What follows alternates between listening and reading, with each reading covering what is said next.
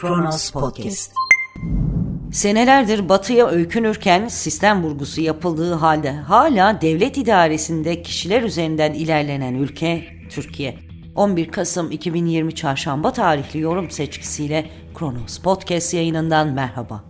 Sağlam ve sağlıklı işleyen sistemler inşa edilmediği takdirde kişilerin değişen ilişkileri devlet idaresine de yansıyabiliyor. Örnek olarak Erdoğan ve Ergenekon dosyasını hatırlatıp artı gerçekten Ahmet Nesin'in yazısına geçelim. İstifayla Ergenekon MHP-AKP savaşı su yüzüne çıktı.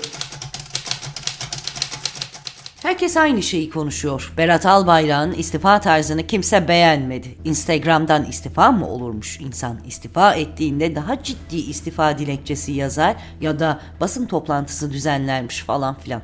Ya da hükümetin başı artık bakanından memnun değildir veya görevden aldığını açıklar ya da istifa etmesi gerektiğini bakana söyler ve işler o şekilde devam eder. Herkes bakanın yalandan istifa ettiğini zanneder. Oysa herkes gerçeği biliyordur. Geçmişe gidelim. Yani bu hükümet içinde geçmişe gidelim. İçişleri Bakanı Süleyman Soylu istifa ettiğinde istifa mektubu hemen televizyonlarda konuşulmaya başlandı. Gazeteler internet sitelerinden anında haberini duyurdular ve iki buçuk saat sonra istifanın Recep Tamam Erdoğan tarafından kabul edilmediği açıklandı.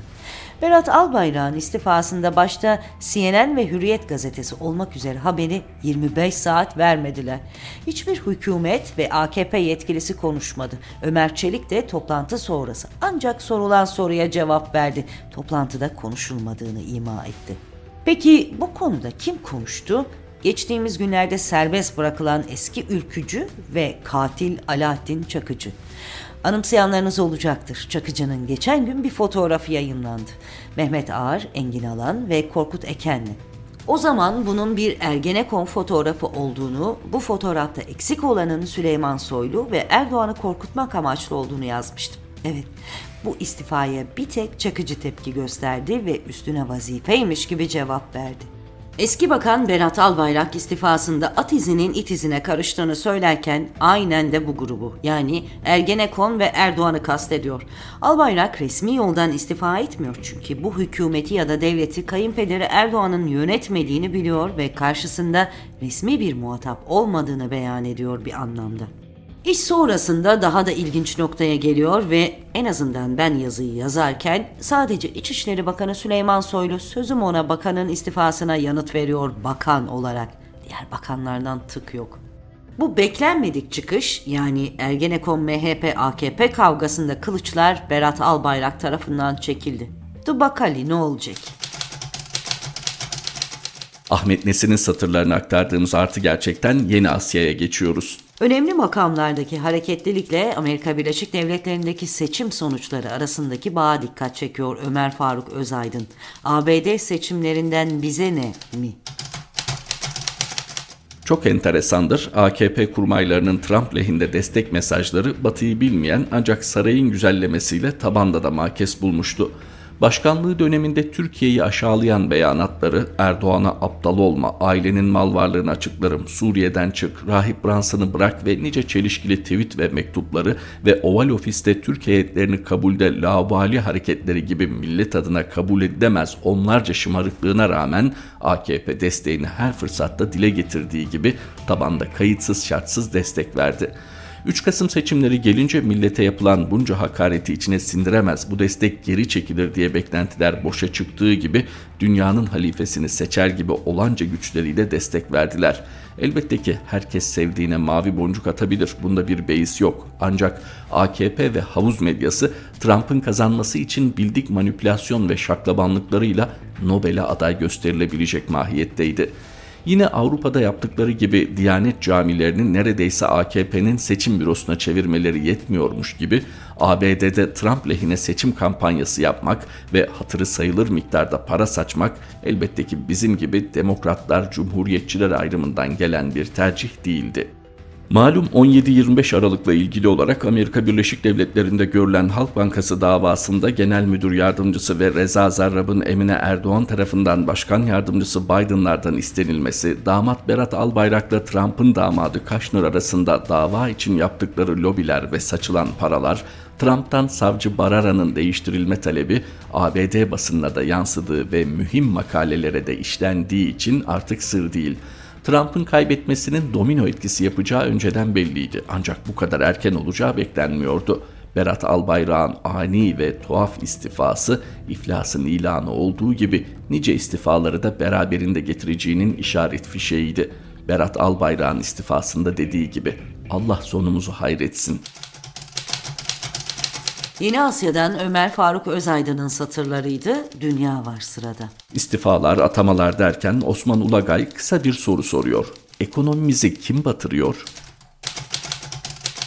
İstifadan iki gün öncesine kadar Berat Albayrak'ın ekonomimizdeki parlak gelişmeleri ballandırarak anlatan demeçlerine geniş yer veren Sözde Büyük gazetede Sayın Bakan'ın istifa haberini bulmak mümkün değildi pazartesi sabahı.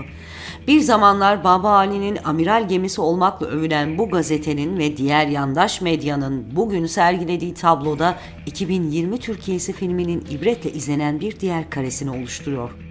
Şimdi gelinen noktada Berat Bey'in herkesle adeta alay ederek tekrarladığı dolar iner de çıkar da ben ona bakmıyorum anlayışının yerini farklı bir anlayışa bırakacağı ve Merkez Bankası'nın yeni başkanı Ağbal'ın bu görevi kabul ederken ileri sürdüğü koşulların kendisini bu göreve getiren kişi tarafından kabul edildiği söyleniyor.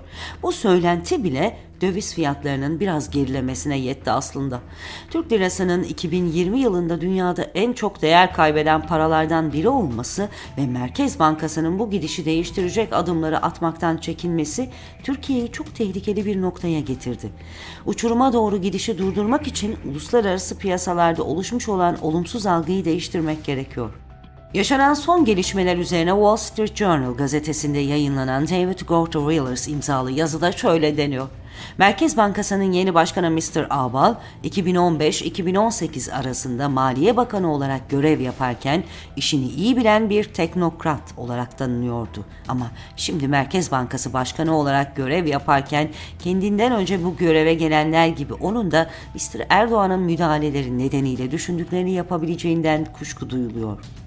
Türkiye ekonomisinin uçurumun kenarına geldiği noktada çıkış yolunu bugüne kadar kimin tıkadığı aslında belli ama onu görevden alacak kimse yok. Dünyadan Osman Ulagay'ın satırlarıydı. Şimdiki durağımız gazete duvar. Küreselleşme kavramına bir ülkedeki seçimin bir diğer ülkedeki idari kadroda değişikliklere yol açması da dahil mi acaba? Cansu Çamlıbel damat diplomasisinin de sonu diyor zamanlamayı manidar bulma geleneğinin pek güçlü olduğu ülkemizde Albayrak'ın zorunlu istifasını Erdoğan hükümetinin Amerikan siyasi sistemi içindeki tek müttefiki Donald Trump'ın başkanlığı kaybetmesinin sonucu olarak yorumlayanlar oldu. Bu yorumu yapanlara göre Cumhurbaşkanı Erdoğan, Albayrak'ı hükümet içindeki kilit görevinden istifa etmeye zorlayarak ABD'nin yeni başkanı Joe Biden döneminde hız kazanması kuvvetle muhtemel olan Halkbank davasının olası sonuçlarıyla ilgili ön almaya çalışmıştı. Zira Biden'ın Trump'ın yaptığı gibi Adalet Bakanı kanalıyla savcılık makamı üzerinde nüfus kullanmaya çalışmayacağını en iyi Beştepe biliyordu. Ben şahsen Erdoğan için bardağı taşıranın iç dinamikler olduğu kanaatindeyim. New York'taki Güney Bölge Federal Mahkemesi savcıları tarafından hazırlanan ve 15 Ekim 2019'da kamuoyuna açıklanan Halkbank iddianamesinde evet Berat Albayrak'tan söz ediliyor.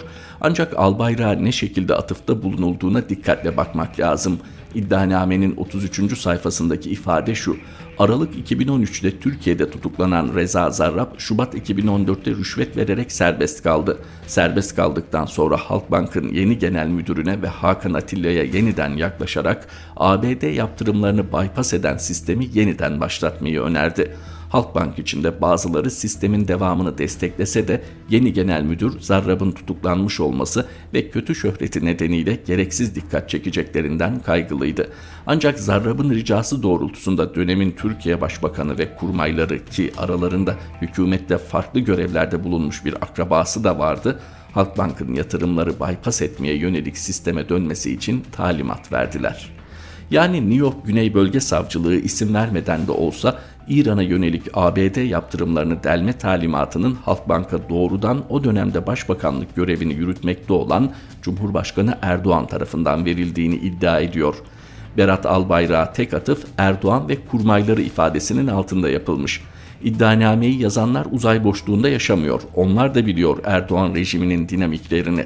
Dolayısıyla da eğer dava sürecinde iş oraya gelecekse Berat Albayrak'ın hükümetten uzaklaştırılmış olmasının mahkemenin potansiyel olarak ağır bir ceza kesip kesmeyeceği noktasında bir etkisi olmayacaktır.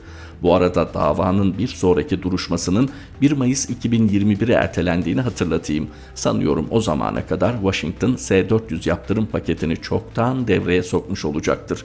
Dolayısıyla da Halkbank davası Türkiye ile ABD arasındaki diğer kritik dosyaların hızına paralel ilerleyecektir.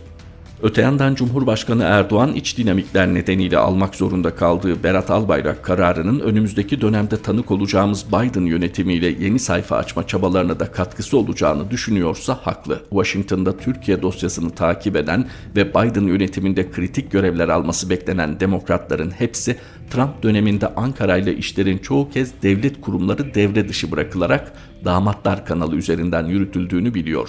Biden ekibi göreve geldiğinde ilk yapacakları iş Ankara'ya geleneksel devletler arası ilişki çerçevesini sert bir biçimde hatırlatmak olacaktır. Trump dünyasına kendisini veliaht olarak kabul ettirmeye çalışan Berat Albayrak'ın yeni resimde yer almayacak olmasını Biden ekibinin kendi açılarından ferahlatıcı bir gelişme olarak not ettiğine hiç şüphem yok. Ancak 20 Ocak'ta Beyaz Saray'a taşınacak olan Biden ekibiyle tanımlanacak yeni ilişki rotasını asıl olarak Rusya dosyası belirleyecek. Onun üzerine yazacak daha çok fırsat olacak nasılsa. Cansu Çamlıbel'in satırlarıydı. Gazete Duvar'dan Evrensel'e geçiyoruz. Deprem yaşandıktan sonra unutulmaya bırakılacak bir konu değil. Özellikle yönetimler açısından konut fazlası olan kentte evsiz yaşamak. Deprem ve İzmir diyor Zeki Gül. Şüphe yok ki İzmir depreminde her ölüm ve yıkım uzak kentlerdeki şeker ve tansiyon hastalarının bir kısmının değerlerini yükseltti, mide ağrılarını ve migren ataklarını artırdı, varsa psikolojik semptomları tetikledi. Oysa tüm bu dolayımlı etkilenmeler olmayabilirdi. Nasıl mı? Eğer konut inşaatı ülkenin başat rant alanı kılınmak yerine sağlıklı konut üretimi kamunun önceliği olsaydı ne bu yıkımlar ve ölümler olurdu ne de bu bağlamda sağlık sorunları baş gösterirdi. Deprem sonrası İzmir'de Covid-19 vakaları arttı. Toplum bilincinde giderek daha fazla yer edinmeye başlayan yönetemiyorsunuz, ölüyoruz çıkarımında iki başlık algıda sinerji yarattı. Gayrimenkul PR aylık verileri Şubat 2020'de 85 bin olan İzmir konut stokunu Nisan 2020'de 5 bin artışla 90 bin olarak açıklamıştı. Geldik depreme. Çevre ve Şehircilik Bakanı Murat Kurum hafta içi açıklamasında 3370 çadır başvurusunun karşılandığını ve bu çadırlarda yaklaşık 8500 kişinin kaldığını açıkladı. Kapitalizmin sureti 90 bin konut stoku olan bir kentte 3379 çadır zede. Deprem sonrası ilk icraat çöken binaların kimi müteahhitlerini tutuklamak oldu. Depremlerin sorumlusu inşaat sektörü ise boş alan 90 bin konutu daha pahalıya satmak veya fahiş fiyatla kiraya vermek için ellerini ovuşturuyor. Bir yanda inşaat sektörünün kar hırsı ve devletin kimi kurumlarının sorumsuzluğuyla evsiz kalmış yurttaşlar. Bakan açıklamaya devam ediyor. Ağır hasarlı ve yıkık bina sayısı 283, orta hasarlı bina 308, az hasarlı bina 2508. Yani bu kentte tüm mağdurları bir günde yerleştirecek boş ev var ama yapılmıyor. Kapitalizm ve onun kurumları arsızca bize depremzedeler için yeni binalar inşa edileceğini vaaz ediyorlar. Ocak 2020 verilerine göre Türkiye'de kayıtlı 450 bin civarında müteahhit var. Almanya'da bu sayı 3550, tüm Avrupa'da ise 50 bin civarında.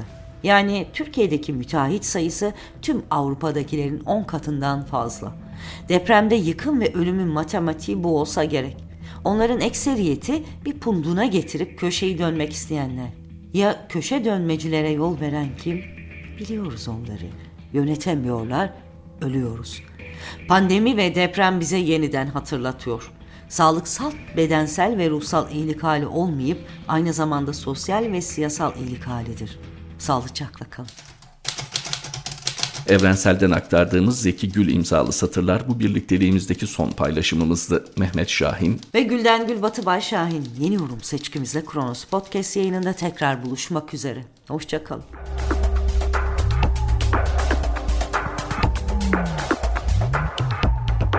Kronos Podcast